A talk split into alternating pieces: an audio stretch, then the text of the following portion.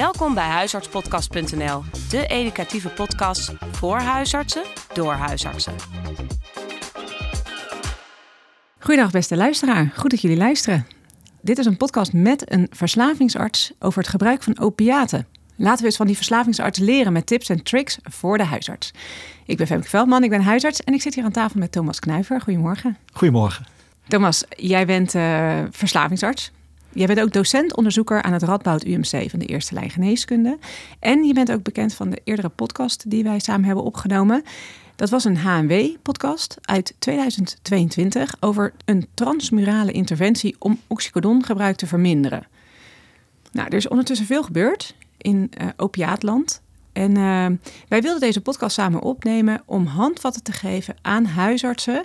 Hoe moet je daarna mee omgaan met opiatenvoorschriften? Het eerste voorschrift, het herhalingsvoorschrift en ook uh, tertiaire uh, voorschriften in, het kader van chronisch gebruik van uh, die middelen. Daar gaan we het zo meteen helemaal over hebben.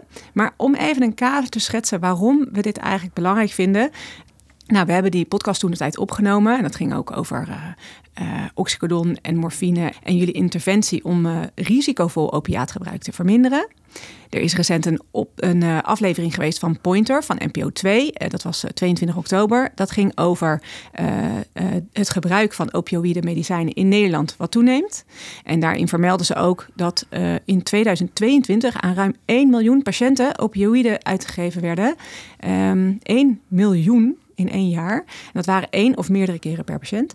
En dat 80% van die voorschriften dat kwam van huisartsen. dus daar spelen huisartsen wel een belangrijke rol in. Uh, niet te vergeten de specialisten, want die starten vaak met die medicatie, wat de huisartsen dan eventueel herhalen. Nou, en een van de recente ontwikkelingen in opiaatland, dat is in september gebeurd, dat in de NAG standaard pijn oxycodon nu ook is toegevoegd aan de voorkeursmiddelen van de opiaten. Dus dit is stap 4 van de pijnstillingsmiddelen. En daar stond morfine en fentanyl in. En daar is nu oxycodon aan toegevoegd en ook buprenorfine. Nou, daar hebben wij enige zorg over, over het gebruik van het, het redelijk soort van makkelijk gebruik van uh, opiaten, morfine en oxycodon. En uh, nou, daar willen we het over hebben. En dan komen we dus zo meteen met handvatten. Maar eerste vraag, Thomas, waarom ben jij hiermee bezig? Waarom maak jij je hier zorgen over? Um, nou, eigenlijk, uh, het is zo'n onderdeel van mijn werk. Ik kom uh, dagelijks um, nog patiënten tegen die, uh, die tegen dit probleem aanlopen. Die ooit met een, met een simpel recept zijn um, gestart. En vervolgens verder en verder in de problemen zijn gekomen. En ik heb er de afgelopen jaren veel over geleerd. En het blijft een interessant onderwerp vooral ook, uh, kijk, medisch gezien is het interessant. Uh, maar het heeft ook een bepaalde, ja, het vergt een bepaalde manier van kijken, vind ik, naar de, naar de problemen om, um, uh, om ze te zien. Dus bijvoorbeeld het feit dat oxycodon in de richtlijn is gekomen. En de redenen waarom en wat dat dan, wat dat dan zegt over hoe we er tegenaan kijken, dat, dat, dat vind ik gewoon mateloos interessant. Dat blijft me toch boeien hoe zoiets zich in de tijd ontwikkelt. Um, dus daarom blijf ik er altijd wel mee bezig. Ja, het, het, blijft ook in de media af en toe terugkomen. En uh, uh, dan word ik nog wel eens voor iets gevraagd om, daar, hmm. om een ja. mening te geven. Dus ja. zodoende. Ja, dus het heeft, het heeft een interesse, maar het is ook een zorg. Hoe, ja. hoe, hoe komt dat? Nou, er zijn wat, er zijn wat uh, nou, nationale en internationale ontwikkelingen die ehm, wel maken dat ik me daar wel zorgen over maak om even in te zoomen, bijvoorbeeld op de NHG-standaard. Die is afgelopen september is die dus geüpdate. En is oxycodon samen met buprenorfine in die selectielijst eh, gekomen voor huisartsen. En het interessante is dat tot aan september, als ik aan huisartsen vroeg en nog steeds, uh, schrijven jullie uh, oxycodon voor? Ik geef regelmatig, heb ik FTO's gegeven hier in de regio. En eigenlijk alle huisartsen geven aan van ja, ik schrijf wel oxycodon voor. En doe je dat ook als eerste keus? Ja, dat doe ik ook als eerste keus. En weet je dan dat tot aan september dat helemaal niet in de NHG-richtlijn staat. En daar schrikken ze altijd wel even van. Want dan confronteer ik ze dus met het feit dat ze eigenlijk standaard van de NHG-standaard afwijken. En dat zegt wat mij betreft iets. De, de redenen dat het in de standaard is gekomen, uh, kijk, ten eerste, het wordt heel erg veel voorgeschreven. Dat zien we ook in de cijfers terug. En uh, dat is dan een reden geweest om er serieus naar te kijken van moeten we het dan niet opnemen in de standaard. En dat, dat, nou, dat kan een goede reden zijn om er dan uh, toe te besluiten als er geen redenen zijn om dat niet te doen. Uh, ja, één ding vanuit mijn vak waar ik natuurlijk zelf me, me zorgen over maak van is het, uh, is het nou verslavend of niet? Nou ja, het is een opioïd, dus het is verslavend. Is het meer verslavend of minder verslavend? Nou, minder verslavend dan, dan morfine of fentanyl, dat denk ik niet. Is het meer verslavend? Kijk, goed beschouwd weten we dat niet heel goed. Uh, er is niet heel goed onderzoek longitudinaal gedaan uh, waarbij die middelen met elkaar worden vergeleken. Dat zal ook nooit gebeuren. Ik bedoel, daar, daar is denk ik de interesse in die zin niet naar. En ik denk ook niet dat het, dat, dat, dat, dat mogelijk is om dat op die manier te doen. Het zijn wel andere manieren om naar te kijken, dus meer retrospectief. Maar dan loop je tegen de gebruikelijke limitaties aan. maar het feit dat het zoveel al werd voorgeschreven terwijl het dus niet in de standaard stond. Uh, dat is denk ik wel een reden om je achter je oren te krabben. Dus als je je afvraagt hè, waarom is een middel verslavend, uh, of is een middel verslavend? Heroïne is bijvoorbeeld heel erg verslavend. Als ik aan mijn studenten vraag wie van jullie zouden ooit heroïne gebruiken, dan zeggen ze allemaal nee, nooit.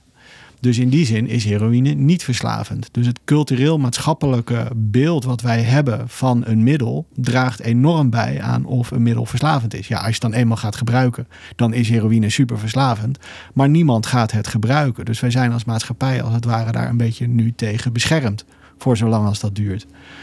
En dat zijn we voor oxycodon niet. Dus door het gebruik, uh, nou, ten eerste blijkbaar schrijven we het al voor, maar door het gebruik nu ook als het ware ja, te legitimeren, uh, wat ook goede redenen heeft, want het is ook gewoon een medicijn en het, is een, uh, en het heeft, ook, heeft ook zijn nut. Maar door het gebruik op deze manier te legitimeren, neem je een beetje van die sociaal-maatschappelijke bescherming die we hebben tegen het gebruik van opioïden, neem je weg. En dan gaat het ook niet alleen om het feit dat oxycodon daar staat, maar dat er ook regels tekst in staan als wees terughoudend. En terughoudend zijn is erg subjectief. Dus als ik een patiënt tegenkom en die zegt: Ik wil graag 400 milligram oxycodon per dag, want uh, dat had ik uh, voor de hele week en uh, dat heb ik in één dag opgemaakt en daar voelde ik me goed bij. Dus ik wil 400 milligram en ik onderhandel uit dat ik 300 milligram voorschrijf, dan ben ik terughoudend geweest. Dan heb ik voldaan aan de richtlijn. Ik heb ja. oxycodon voorgeschreven. Ik ben terughoudend geweest. Heb ik het goed gedaan? Maar dat heb ik natuurlijk eigenlijk niet. Dat voel je ergens, voel je dat aan. Dus zo'n richtlijn, uh, die moet veel meer concrete handvatten bieden. Uh, wat ook uh, alarmsignalen uh, biedt aan een huisarts dat hij dat die voorzichtiger moet gaan zijn en, en echt gewoon stringenter moet gaan zijn of moet gaan stoppen met een voorschrift en het op een andere manier moet gaan oplossen met een patiënt. En het andere is, um, dit is, zeg, dit is nu. En oxycodon is op dit moment, en daar ben ik, dat is volledig op eigen, eigen titel dat ik dit zeg. Uh, op dit moment is oxycodon uh, zoals het is. En het gebruik heeft zich gestabiliseerd sinds 2018. En uit eigen ervaring weet ik dat we veel lager zouden qua gebruik zouden kunnen zitten. Dat heeft ons eigen onderzoek en onze eigen interventie in de regio Arnhem laten zien.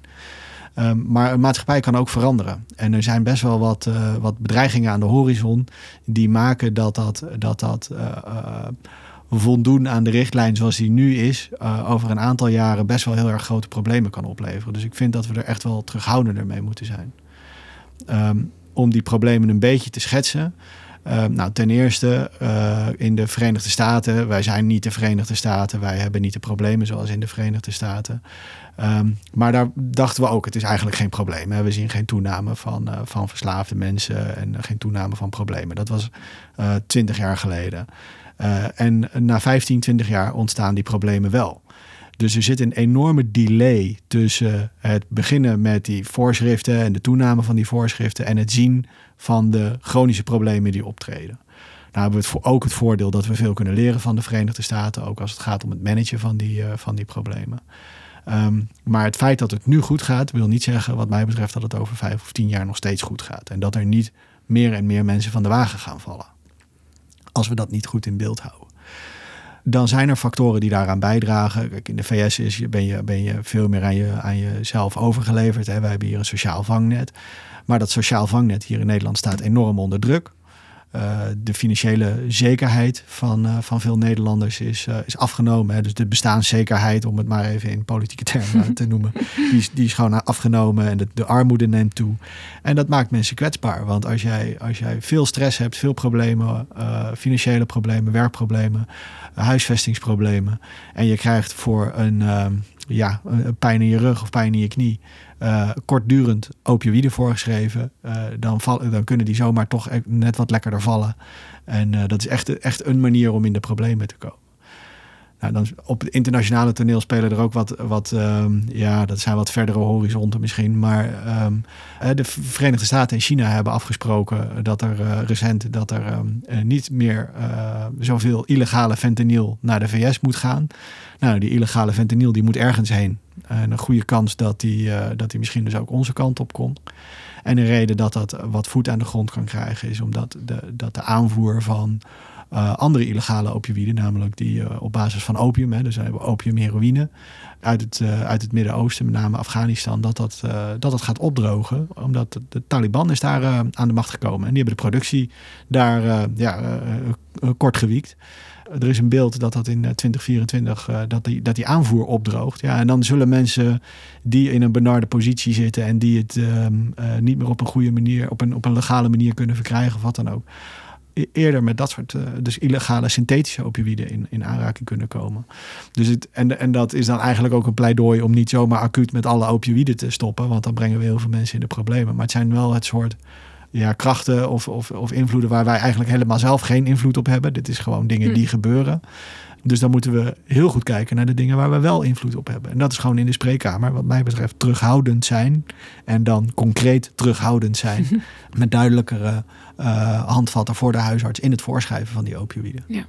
Na deze um, uh, nationale, internationale factoren, nog even terug naar dat cultureel-maatschappelijk beeld van oxycodon. Wat ik in de ziekenhuizen merk, hoe makkelijk het toen in mijn anios-tijd werd voorgeschreven allemaal. Hoe komt dat bij oxycodon? Waarom wordt het zo makkelijk gedaan? Nou, um, uh, als, je als je het gewoon aan collega's vraagt, ik heb daar niet uh, de wetenschap over hoor. Maar de, de, kijk, het is geen morfine. Dus uh, dat is wat je van de wat oudere huisartsen hoort. Hè? Dus die, die zeggen, ja, morfine, daar was ik altijd heel terughoudend mee. En als ik morfine noemde, dan dachten patiënten van, oh, dus ik ga dood. Dus dat had een, had een um, ja, in, in, in, in dat opzicht een, een heel goed negatieve bijklank. Uh, en oxycodon heeft dat niet. Uh, nou, wat je zelf zegt, uh, tegenwoordig word je ermee mee, mee opgeleid. Hè? Dus daar zullen die pijnscores uit het ziekenhuis en al dat soort dingen zullen daaraan bijdragen. Ehm, dat, het, dat het veel werd voorgeschreven. Ja, en als iedere arts die nu van de, van de band rolt, het gewoon meekrijgt in zijn opleiding, van ja, dan geef je oxycodon. Dat, dat maakt het allemaal wel heel makkelijk. Het zijn kleinere tabletjes. Dat maakt ook wel eens uit. Uh, hoor ik wel eens van patiënten zelf ook. Ja, vijf, het is maar 5 milligram. Als je dan aan herinnert dat paracetamol 500 milligram is, dan uh, zijn ze daar dan gek genoeg niet zo van onder de indruk. Maar het zijn kleinere tabletten. En morfine uh, heeft niet meer, dat was er vroeger, maar dat is uit de handel gehaald, heel slim. niet meer die kleinere sterktes. terwijl oxycodon een milligram voor milligram potenter is dan, dan morfine. Uh, en fentanyl microgrammen is. Nou ja, goed. Dus maar op de een of andere manier voelt het dan uh, ja, wat makkelijker, wat soepeler om het zo uh, voor te schrijven. En dat, ja, dat het dat die naam nog, nog niet heeft, ja, dat zou het denk ik wel moeten hebben. Ik denk dat we daar echt veel voorzichtiger mee moeten zijn. Voorzichtiger dan nog met morfine? Um, op dit moment wel, in ieder geval het is, het is lastig te zeggen. Dus de, de wetenschap is, uh, is heel beperkt. En we zien wat meer, uh, ja, wat, wat ze dan noemen likability. Maar dat is eigenlijk wilde ik net, wat ik net beschrijf. Ook in ieder geval aan de voorschrijverkant. En aan de patiëntenkant hoor ik verschillende verhalen. En ook die literatuur, wat er dan is, is daar beperkt. Maar zijn er wel mensen die zeggen, ja, mensen reageren ook beter op oxycodon qua pijn. Maar eh, voelen zich ook er wat beter bij, wat dan wel wat abstracter wordt. Um, dus het, ik durf niet, uh, absoluut niet hard te zeggen dat oxycodon verslavender is dan, uh, dan morfine. Uh, maar het is zeker niet minder verslavend. Dus ik denk dat je er dat je er op zijn minst net zo terughoudend mee moet zijn als dat we voorheen waren met morfine. En ik zeg steeds terughoudend zijn. En daar moeten echt duidelijkere handvatten voor komen. Want ik wil ook niet, ook niet dat we mensen weer gaan onderbehandelen. zoals we 20 jaar, 25 jaar geleden deden. Als het gaat om uh, het voorkomen van sensitisatie. Dus wel goed uh, uh, behandelen als het gaat om kankerpijnbehandeling, als het gaat om palliatieve pijnbehandeling. Daarin heeft het gewoon heel duidelijk een plaats. En in, in dit tijd, tijdsgevricht in elk geval. En dat, dat moeten we niet verliezen. Maar die, die andere kant, daar moet echt veel beter naar gekeken worden. Ja. Ja, dus als je uh, tablet morfine versus tablet uh, oxycodon naast elkaar zou leggen, het is onduidelijk of het een nou verslavender is dan het andere. Uh, of de oxycodon misschien iets meer soort van euforie kan geven um, dan de morfine nog. Maar al die andere factoren um, die cultureel maatschappelijk daaraan bij kunnen dragen um, dat een uh, tablet dat iets wel niet verslavend is, zoals uh, dat de tabletjes kleiner zijn of de milligrammen of uh, de naam is het niet, het is niet morfine. Dat moeten we allemaal meenemen in dit kader. Eh, ja, hoe verslavend het kan zijn en hoe gevaarlijk het middel dus ook kan zijn. Ja, absoluut. Ja, ja, ja dat cultureel maatschappelijk, dat is denk ik, um, dat moet je niet onderschatten. Hè? Dus wat ik zei, ja, bijvoorbeeld heroïne, maar ja, ja. wij, kouwen ook geen coca-bladeren nee. of kat. En uh, we drinken wel koffie. Niet, nee, dat weet je niet. maar we drinken wel koffie. Dus dat, daar zit iets in. in uh, en, en dat maakt echt wel uh, veel uit. En dat zie je dus ook in het feit dat we het zo allemaal voorschrijven. Ja, ja. Oké, okay, nou, de basis is gelegd. En dan gaan we naar de spreekkamer. We hebben het, de, de patiënten ingedeeld in drie groepen. Ten eerste het starten, de primaire groep. Ten tweede dus secundair, hè, het doorschrijven, het herhalen. En de tertiaire groep. Ja. Laten we beginnen bij groep 1. Groep 1. Um, en, en dat is gelijk niet mijn expertise, want ik, ben, uh, ik krijg natuurlijk alleen maar patiënten eigenlijk zo'n beetje uit die tertiaire groep. Oh ja, dat uh, is mijn expertise. Dat is jouw expertise, ja. ja. het, het, en dat, ik denk dat, uh, dat, dat de NHG-standaard daar op zich goed in, in voorziet. de, de valkuil is natuurlijk, een, een opioïd voorschrijven is, is, werkt snel. En uh, het niet voorschrijven kost tijd en energie. Uh, en dat is moeilijk om, dat, om die investering van nu te zien ten opzichte van wat het in de toekomst oplevert. Uh, als, je, als je dus niet uh, medicamenteuze opties of niet opioïde opties eerst exploreert. Maar dat is wel waar het dan dus op neerkomt. Dus dat goed volgen en dus terughoudend zijn met überhaupt het starten van een, uh, van een opioïd. En het echt zien als een soort van, ja, uh, daarna is er niks. Dus, uh, dus kijken wat er daarvoor allemaal nog te, te halen valt. Daar, daar zit wel een, een daar zit het meeste werk, denk ik, voor, voor de huisartsen. Ja. En, en ik zou daar, kijkend naar de cijfers, denken dat daar nog wel wat te halen valt. Ja, en dan zou je dus uh, cultureel maatschappelijk daaraan te kunnen toevoegen... oxycodon is een morfine. Dat wel duidelijk maken als je het ja. over sterke pijnstillers ja. geven. En um, uh, wat uit recent onderzoek is gebleken... in uh, september of oktober in het Huisarts en Wetenschap podcast... Uh, is dat beschreven door Bart Koes.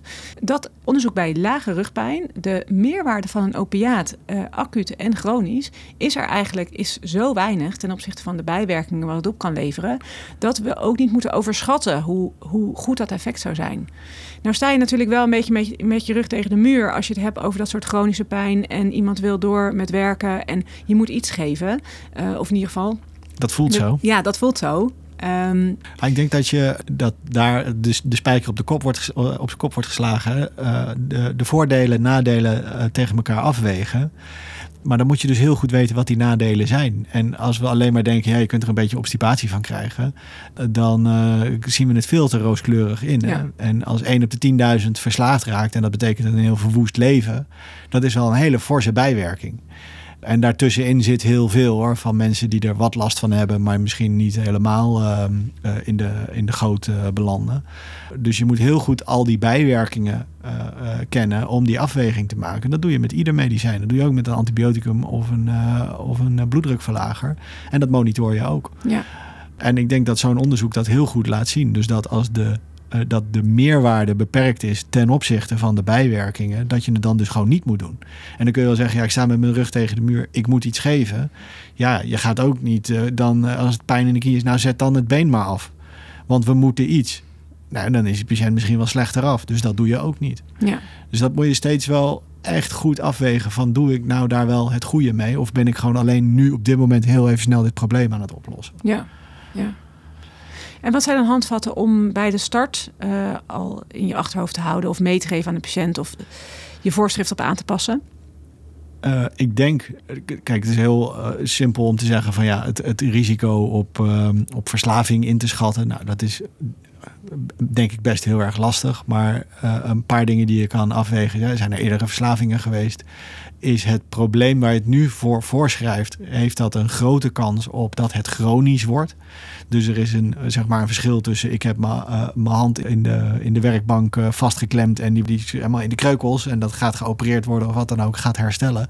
Of een van die typische chronische pijnen die we kennen. Iemand komt met ik ben door mijn rug gegaan, ik heb pijn in mijn rug en ik kan niet werken. Ja, hoe groot is de kans dat dat chronisch wordt? Dat is best, volgens mij best heel erg aanzienlijk. En dan zou ik al eerder denken van nou misschien uh, eerst even een hele hoop andere stappen uh, belopen. Want, uh, want als ik er nu mee start, dan is de kans dat jouw pijn chronisch ja. wordt, is er ja. gewoon. En dan zitten we ermee, want dan wil je er niet meer vanaf. Dus nadenken over hoe gaat dit er in de toekomst uitzien en niet nadenken over hoe kan ik dit probleem op dit moment oplossen. kan denk ik heel erg helpen. En verder gewoon die stappen doorlopen zoals die in de, in de standaard staan. En ze ook echt wel doorlopen. En het is heel makkelijk om daar overheen te stappen. Of makkelijk is misschien. Daar, daar doe ik alle huisartscollega's tekort mee. Daar zit natuurlijk tijdsdruk en dat soort dingen achter. Um, maar het gevoel dat je iets moet, nou, dat, dat vind ik sowieso niet uh, dat dat zo is. Natuurlijk moeten we ze proberen alle patiënten zo goed mogelijk te helpen. Dat is helemaal wat ons werk is. Um, maar dat, daar zit het hem juist. Help je er wel mee. Klopt. En dat is eigenlijk wat daar staat. Ja. Dus we hebben allerlei handvatten geboden om, uh, om je te helpen om dat af te wegen. En dat is de, uiteindelijk de vraag: help ik hier wel mee? Ja. En wat help ik hier mee? En ga ik dat monitoren en, en ga ik er dan mee stoppen? Dat, dan moet je dat daar wel steeds ook weer ja. in afwegen. In jullie interventie hebben jullie ook een uh, opgenomen dat er voor een week gegeven wordt. Hè? Dat, ja. dat je dus ook weer uh, door de week uh, op een recept, uh, om een recept kan vragen. En dat het niet door een huisartspost of dat iemand niet zonder zit en, ja. en dan gaat, gaat zoeken. Um, maar dat je het ook kort houdt. Ja. Ja, precies. Nee, dus, dus als je start, dus dan komen we een beetje in die, in die tweede fase. Nou, je besluit een opioïd voor te schrijven. Hou het dan kort. En, en kort wil zeggen een week. En dan misschien herhalen voor een week. Afgemeten hoeveelheden. Niet um, wat nog steeds gebeurt. En dan dan bijvoorbeeld uit het ziekenhuis hoor. Maar gewoon hier heb je 90 stuks. En kijk maar hoeveel je er nodig hebt. Maar gewoon afgemeten van nou, je pijn in je rug. Um, dan en dan is de afspraak bij de orthopeed of bij de neuroloog of uh, wat dan ook. En uh, dan heb je zoveel tabletten nodig. Heb je er echt zoveel nodig? Of kunnen, kun je, heb je er in het weekend misschien minder nodig? Kort en klein houden. En kort wil zeggen alles binnen vier weken. Maar het liefst doe je dus gewoon een week en dan even een telefonisch consult. En na twee weken een patiënt terugzien om het echt te kunnen evalueren en het ook te laten zien. Dit is hartstikke serieus. Ik schrijf jou een opioïd voor. Dat is een heel zwaar medicijn waar je verslaafd aan kunt raken. Wat ook potentieel een hele hoop andere bijwerkingen kan hebben. Wat we gewoon goed moeten monitoren. Ja, hier heb je echt een, belangrijk punt. Hè? Dat als we het allemaal zelf als dokters ook soort van gemakkelijk geven. Dat we het allemaal met de paplepel ingegoten krijgen in ziekenhuizen. Uh, wat, wat ik toen echt gemerkt heb en ook bij collega's. Um, dan doe je, geef je het ook makkelijker. En als je het beeld schetst. Dit is echt een sterk middel. Hier moeten we echt erg voorzichtig mee zijn. Dit heeft enorme nadelen. Kan het hebben. Maar nu is het misschien even nodig. En zoeken naar oplossingen van kan het inderdaad in een weekend minder. Dat is ontzettend belangrijk om een beeld te schetsen. Dit middel daar moeten we voorzichtig mee zijn. Precies. In plaats van 60 stuks en kijk maar wat er nodig is. Ja, ja. ja en, en het zit hem misschien zelfs hier al in de, in de bewoording nodig. Hè? Dus dit is nu even nodig. Uh, zou moeten zijn, dit kan nu uh, helpen bij al die andere dingen die je moet doen. Dus je hebt pijn in je rug, je moet die oefeningen gaan doen. Uh, je moet dit, je moet zus, je moet zo. Nou, dan netjes in motiverende gespreksvoering, taal natuurlijk gegoten. Um, en die oxycodon die kan daarbij, of die morfine, die kan daarbij ondersteunen. En niet dit is de oplossing. En dan de, en de oefeningen die komen wel tegen ja, de tijd ja, dat, ja, er, dat het te laat is. Eigenlijk. Ja, en, goed. En die houding die maakt echt veel uit. Uh, daar ben ik van overtuigd. Er zal um, misschien andere mensen anders over denken. Um, mijn opleider die zei ooit: als jij een buik onderzoekt, dan, uh, dan onderzoek je een buik en dan kijk je daar uh, de patiënt bij aan. En dat maakt uit hoe je dat doet. En als je dan dat goed doet en je zegt tegen die patiënt: ik kan niks geks vinden, ik maak me geen zorgen, dan is dat wat anders dan wanneer je dat een beetje halfslachtig doet en zegt: ja, ik zie eigenlijk niks geks. Ik maak me geen zorgen. Dan voelt die patiënt zich niet serieus genomen. En zo moet je dat ook bijvoorbeeld met een opioïdrecept doen. Dat is heel serieus nemen en die patiënt serieus nemen. Ja. En dat is denk ik wel een beetje lastig om dat uh, uh, aan te passen. In, da, da, daar, daar moeten we zelf het middel ook echt weer serieus voor nemen. Ja, en dat heb ik um, de afgelopen jaren ook moeten leren toen ik, um, toen ik in de verslavingszorg ging werken. Ik, ben, ben, ik doe methadon en heroïnebehandeling. En um, uh, ik moet zeggen, ja, dat was ook een beetje, ja, een beetje metadon erop, een beetje metadon eraf. En uh, ja, af en toe een, uh, een hartfilmpje maken en dat is het. En um, als we dan over andere bijwerkingen spraken, ja, dan waren we daar eigenlijk allemaal. dat was met onze doelgroep vaak complex of dat krijgen we niet voor elkaar. En dat kunnen we uitzoeken, maar dan krijg je niet behandeld. En daar ben ik zelf ook wel van, van teruggekomen dat dat, dat dat zeker wel moet. Daar, daar, moeten wij ook in ons vak nog wel uh, behoorlijk wat in, uh, in doorontwikkelen. Willen we dat allemaal goed gaan doen. Maar als je de literatuur erop naslaat en gewoon kijkt van wat hoor je nou eigenlijk te doen bij iemand die langdurig opioïden gebruikt. Uh, dat is dat tertiaire, het managen van de mensen die het gebruiken en die. ehm, waar we zo op komen. waar we zo op komen. Ik wil nog even wat zeggen over eerst nog dat secundaire stuk het uh, doordoseren, het herhalen van, uh, van medicatie. Dat zijn natuurlijk ook uh, vaak recepten vanuit het ziekenhuis. Ik had recent een, een, een, toch vrij kwetsbare jonge dame die voor een vermeend endometriose misschien doorgestuurd werd naar de gynaecoloog op haar eigen verzoek. En daar kwam eigenlijk niet endometriose uit, maar ze ging wel naar huis met een recept van 30 stuks oxycodon. En dat beviel goed, dat werkte goed. Dat heeft ze heel vaak s'avonds genomen. En uh, daar kon ze goed op slapen en dat werkte goed. Dus nu wilde ze eigenlijk dat doosje gewoon herhalen.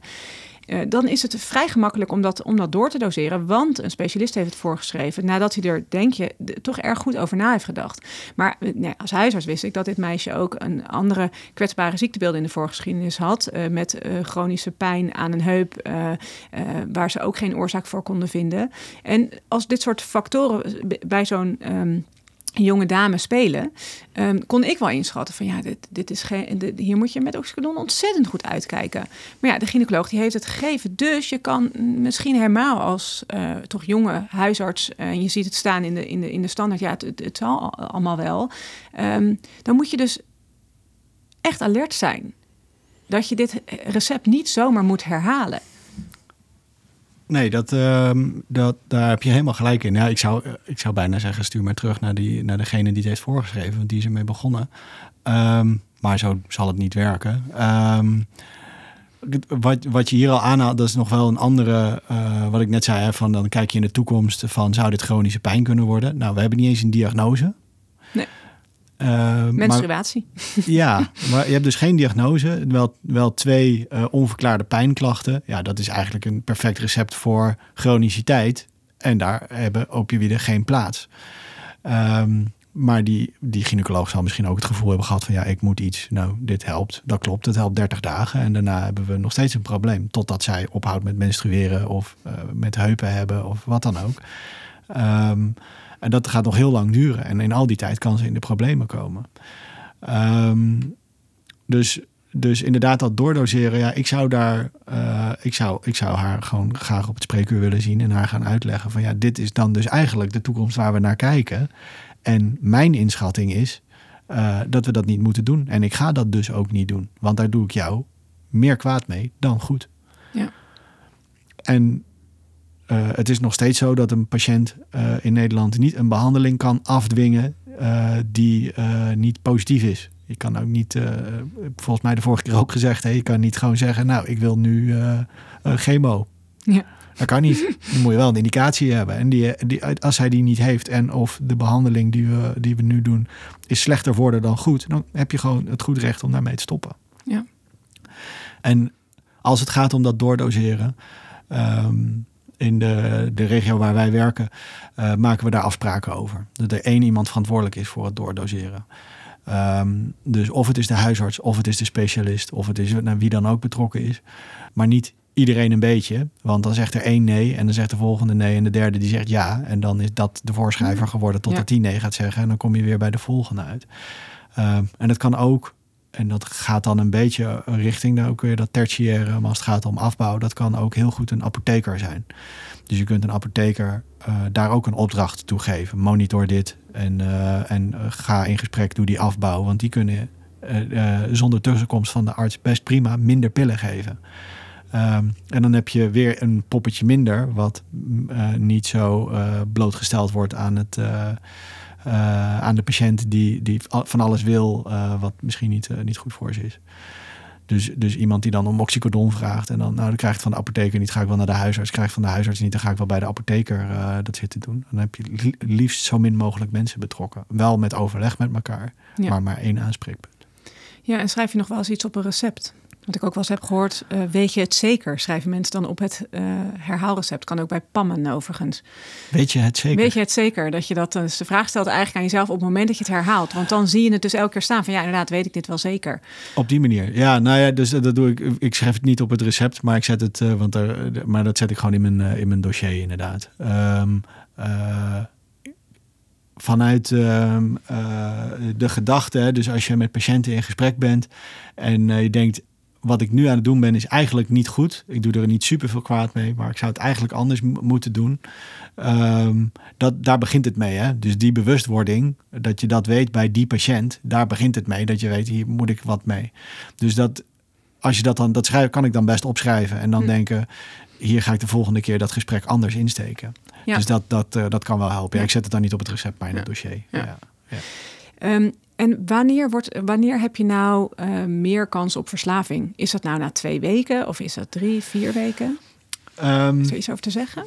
Nou, wat we denken is dat het tot een week of vier dat het nog wel oké okay is. Um, en dat heeft ongetwijfeld ook te maken met het type preparaat. Um, er is uh, Amerikaanse en Australische literatuur die laat zien dat je met langwerkende preparaten meer afhankelijkheid uh, krijgt. Want dan is de blootstelling langer, dus dan kan je lichaam er meer aan wennen. En dan krijg je dus ook ontwenning op het moment dat je ermee stopt. Um, en vanuit um, ja, de verslavingszorg kijken we er zo tegenaan dat hoe sneller iets werkt, hoe verslavender het is. Dus dan zou je juist denken dat kortwerkende middelen verslavender zijn. En dat zal te maken hebben met het type patiënt. Dus iemand die die graag behoefte heeft aan de snelle oplossing ja. van zijn problemen. Of die misschien ook die high toch wel lekker vindt. Ja. Die zal een kortwerkend iets willen hebben. En, uh, en die patiënten die een groot risico lopen dat ze het chronisch gaan gebruiken. Zoals vermeende endometriose of allerlei andere diagnoses. Die per definitie chronisch zijn.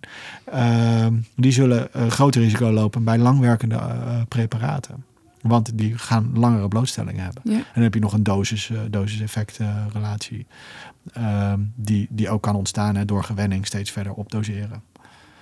Ja. Um, dus dat zijn wel factoren die, uh, die heel globaal daar een rol in spelen. Nou, de sociaal-economische status en ja. eerdere verslavingen. En, ook wel eens onderzoek gedaan naar het type operatie. Um, uh, of dat uitmaakt. En dan zie je bijvoorbeeld hand, handchirurgie. Ja, ik noemde er straks hand, handproblemen, maar handchirurgie uh, zou dan ook een iets groter risico geven. Waarom dat zo is, uh, het is moeilijk zonder handen uh, te kunnen werken. Hè. Dus, dit, dus het hele verwachtingenmanagement, vandaar ook dat ik er straks noemde van uh, dit kan helpen in plaats van dit is nodig. Het hele verwachtingenmanagement, uh, ben jij jong en verlies je de functie over je enkels van de pijn of ben je 90 en zit je in een rolstoel en doen je enkels pijn. Al dat soort dingen maken uit. Ja. dus daarom is het ja, goed om na te denken over nu en over de toekomst en te denken, wordt dit chronisch? En tegen welke problemen ga ik in de, in de toekomst dan aanlopen? Ja. Steeds weer. En als we dan in die toekomst zitten... Ja, dan, dan hebben we dus de tertiaire groep. Ja, de tertiaire groep. En, en dan moet je je dus voorstellen... dat zijn dus de patiënten die het chronisch gebruiken. Die het al chronisch gebruiken. En Uh, ja, in een ideale wereld uh, komen daar geen nieuwe patiënten meer bij. Maar dat, ja, dat gaat toch gebeuren. Uh, opioïden zijn verslavend. En ehm, dat betekent dat patiënten er afhankelijk van raken. En ook als jij zegt, ik schrijf het niet meer voor... dat ze het misschien ergens anders vandaan gaan halen. Maar het kan ook gebeuren dat je het dan toch gewoon voorschrijft. Uh, dat heeft alles te maken met de interactie die er in de spreekkamer plaatsvindt. Hè. Dus tussen een, tussen een patiënt die verslaafd is en een, en een arts die graag wil helpen. En, en al die overwegingen die we dan. Uh, en, en die dingen die we ons zelf misschien ook wijs maken, maar die, die, we, die we daar hebben. Um, uh, dus die, die groep die is er en die zal, zal ook wel blijven bestaan. En um, wat, uh, wat ik ook weet uit alle FTO's die ik geef en ook uit mijn eigen opleiding, um, is dat we eigenlijk heel weinig weten over uh, opioïden. Uh, we weten er heel veel over, maar we weten dat allemaal met z'n allen niet. Dus als ik mensen vraag van wat zijn nou de meest voorkomende bijwerkingen van opioïden, dan hoor je iets van ja, een beetje ademhalingsproblemen en obstipatie. Um, maar er zijn veel meer problemen. En um, ik, zal er twee uitlichten, die, um, omdat ik ze zo interessant vind. Uh, omdat ze ook tot een belangrijke valkuil uh, leiden. En één is dat, uh, stel je een patiënt voor hè, met zo'n chronische pijn en die krijgt opioïden. Die krijgen vaak ook nou, adjuvante pijnmedicatie. Dus bijvoorbeeld Lyrica of, uh, of een uh, amitriptyline. En misschien ook wel een benzo uh, voor, voor de nacht. Om, Als je dus eigenlijk hebt over bijvoorbeeld een patiënt met lage rugpijn, chronische precies. klachten, wat, wat zenuwbanenuitstraling. Ja, ja, ja. Nou, dan gaan we heel terecht al die medicijnen voorschrijven. En wat we niet doorhebben is dat die medicijnen zijn allemaal sederend. En overdag gaat dat nog wel, maar in de nacht leidt dat tot, tot slaapproblemen, ademhalingsproblemen in de nacht. En dat sleep disordered breathing, hè, dus uh, uh, slaap die verstoord raakt door de ademhaling, slaapapneu, een combinatie van centraal en obstructief beeld. Um, wat ertoe leidt dat je een patiënt hebt die uh, zegt: Ja, ik slaap wel. Um, uh, want ja, bij slaapapneu heb je dat niet per se door dat je slecht slaapt. En die worden wakker en die voelen zich ellendig en um, uh, die, moe. En we maken de afspraak, hè, dus je bent met die patiënt bezig en zegt, nou, de revalidatie is van belang. Dus je moet gaan bewegen, je moet gaan sporten. Uh, ook allemaal netjes in motiverende gespreksvoeringstermen gegoten. Um, en die patiënt die wordt wakker en die is moe. Dus die gaat niet sporten, die gaat niet bewegen. En dan zeggen wij, ja, dus de patiënt is niet gemotiveerd. Um, we doen ja. ons, wij doen zo ons best. We doen al die tijd steken we erin. En we maken een plan. En die patiënt die zegt ja, maar die doet nee. En dan zeggen we, zie je, dit is een moeilijke patiënt. En die is niet gemotiveerd. En die zal wel verslaafd zijn, want hij wisselt zo in zijn motivatie. Terwijl wat er eigenlijk aan de hand is, is dat er, dat er dus slaapproblemen spelen. Door al die medicijnen die wij voorschrijven. Dus we maken het in die zin erger. En dan onder andere slaapproblemen spelen. Hè? Dus er speelt heel veel, want die, al die medicatie geeft ook een bepaalde overdag studerende werking. En daarbij geeft ja. het ook nog een, uh, ja, precies. OSAS-probleem. Ja, ja, en, en um, uh, zeker als we ook nog allerlei serotonerge middelen geven, kun je ook nog een beetje bijvoorbeeld daardoor wat agitatie en dergelijke uh, krijgen. Dus dat, daar letten we dan niet zo goed op. Chronisch iets te hoog serotonerge tonus um, valt niet zo op, maar maakt patiënten prikkelbaar um, en draagt ook weer bij aan slaapproblemen. Dus die, um, uh, die niet zo gemotiveerde patiënt of die zegt ja en die nee doet, er zou zomaar iets totaal anders aan de hand kunnen zijn. En dat geldt ook voor de hormonale bijwerkingen. Um, van opioïden is bekend dat ze, zeker bij mannen, dat, dat maakt dat heel veel uit, dat ze testosteronsuppressie geven. Um, en ja, als jij een man bent, uh, je bent 40 en uh, je hebt die pijn in je rug. En uh, door, de, door de slaapproblemen en het niet sporten en dergelijke kom je aan in gewicht. Je moet gaan sporten, je moet een krachttraining gaan doen en je hebt geen testosteron. Dan gaat je niet lukken. En dus dan ga je naar die sportschool, dan ben je één keer geweest en dan raak, kom je uitgeblust thuis. En je gaat met heel veel pijn en moeite met je coach en weet ik veel wat ben je aan de slag. En je boekt geen resultaat, want je maakt geen testosteron aan. Dan Um, uh, dan ben je ook weer zo'n patiënt. Ja, weet je, we proberen het wel, maar het is leuren en zeuren en doen en het schiet maar niet op. En dan ontstaat ook die dynamiek van een, van een patiënt waar we, ja, die we moeilijk vinden. Terwijl er dus eigenlijk testosteronsuppressie aan de gang is. Of prolactine. Uh, uh, veranderingen, waardoor patiënten, niet iedere patiënt heeft dat, maar door, waardoor patiënten net als met antipsychotica echt flink in gewicht kunnen aankomen. Nou, dan heb je dus je slaapproblemen, je hebt je overgewicht, nog een reden om te gaan sporten. En het lukt allemaal niet. En daarmee gaat je stemming achteruit. Door het slapen kun je ook slechter omgaan met je pijnproblemen. Ja. En zo word je een moeilijke patiënt, een complexe patiënt. Ja. En wat is eigenlijk aan de hand? Bijwerkingen van medicijnen. En dit laat heel goed zien ehm, hoe belangrijk het is om goede kennis te hebben van, van die opioïden. Dat goed te monitoren. En het zijn, het zijn ook behandelbare bijwerkingen. En we moeten natuurlijk niet de ene behandeling op de andere stapelen. Maar een, een goed plan maken in, in samenspraak met een slaapspecialist. En een longarts eh, werk ik vaak mee samen. Of een endocrinoloog als het gaat om die, eh, om die endocrine bijwerkingen. En, en een plan maken, een interventie erop eh, plegen. En vervolgens de pijn en het opioïdgebruik en het andere medicijngebruik evalueren, afbouwen. Kan, kan tot een doorbraak leiden bij, bij die tertiaire groep. Voordat we eh, weer zeggen, ja, het is revalidatie en het is eh, omgaan met en, en, Ja. en mindfulness. En Ook allemaal hele belangrijke interventies. Maar eigenlijk ja, lullig als eigenlijk dit dan aan de hand blijft zijn. Ja, ja. ja wauw, dat schetst wel een heel ander plaatje eigenlijk hè, van zo'n patiënt. Ja, ja, en dat is ook wel echt meestal wat ik verwezen krijg. Dus daar ben ik ook in de jaren door schade en schande eh, wijzer geworden. Hoor. En er is nogal een andere doelgroep. Dat is een, een podcast-serie op zich voor mijn gevoel, eh, de gastric bypass patiënten. Maar deze bijwerkingen eh, monitoren, dat gebeurt eh, niet. En kan al die patiënten vaak doorverwijzen naar of een endocrinoloog of een longarts om eerst die problemen aan te vatten. En vervolgens doen wij dan gewoon wat we altijd doen. En dat is dan opioïdrotatie en, en afbouwen. En dat, dat gaat aanzienlijk beter als die bijwerkingen beter gemanaged zijn. En je zegt gastric bypass? Ja, dus een belangrijk gedeelte van de patiënten die we verwezen krijgen... heeft een gastric bypass gehad. Ja, en, want die zijn wel ex- extra gevoelig hè, voor de ja, verslavingsaspect. ja, en ook extra gevoelig ook voor beeldvorming. Hm. Van ons uit en vanuit de maatschappij. En, en, en zijn eh, eh, nou, vaker getraumatiseerd en dergelijke. Dus die hebben nog allemaal extra risicofactoren voor het ontwikkelen van, eh, van verslaving.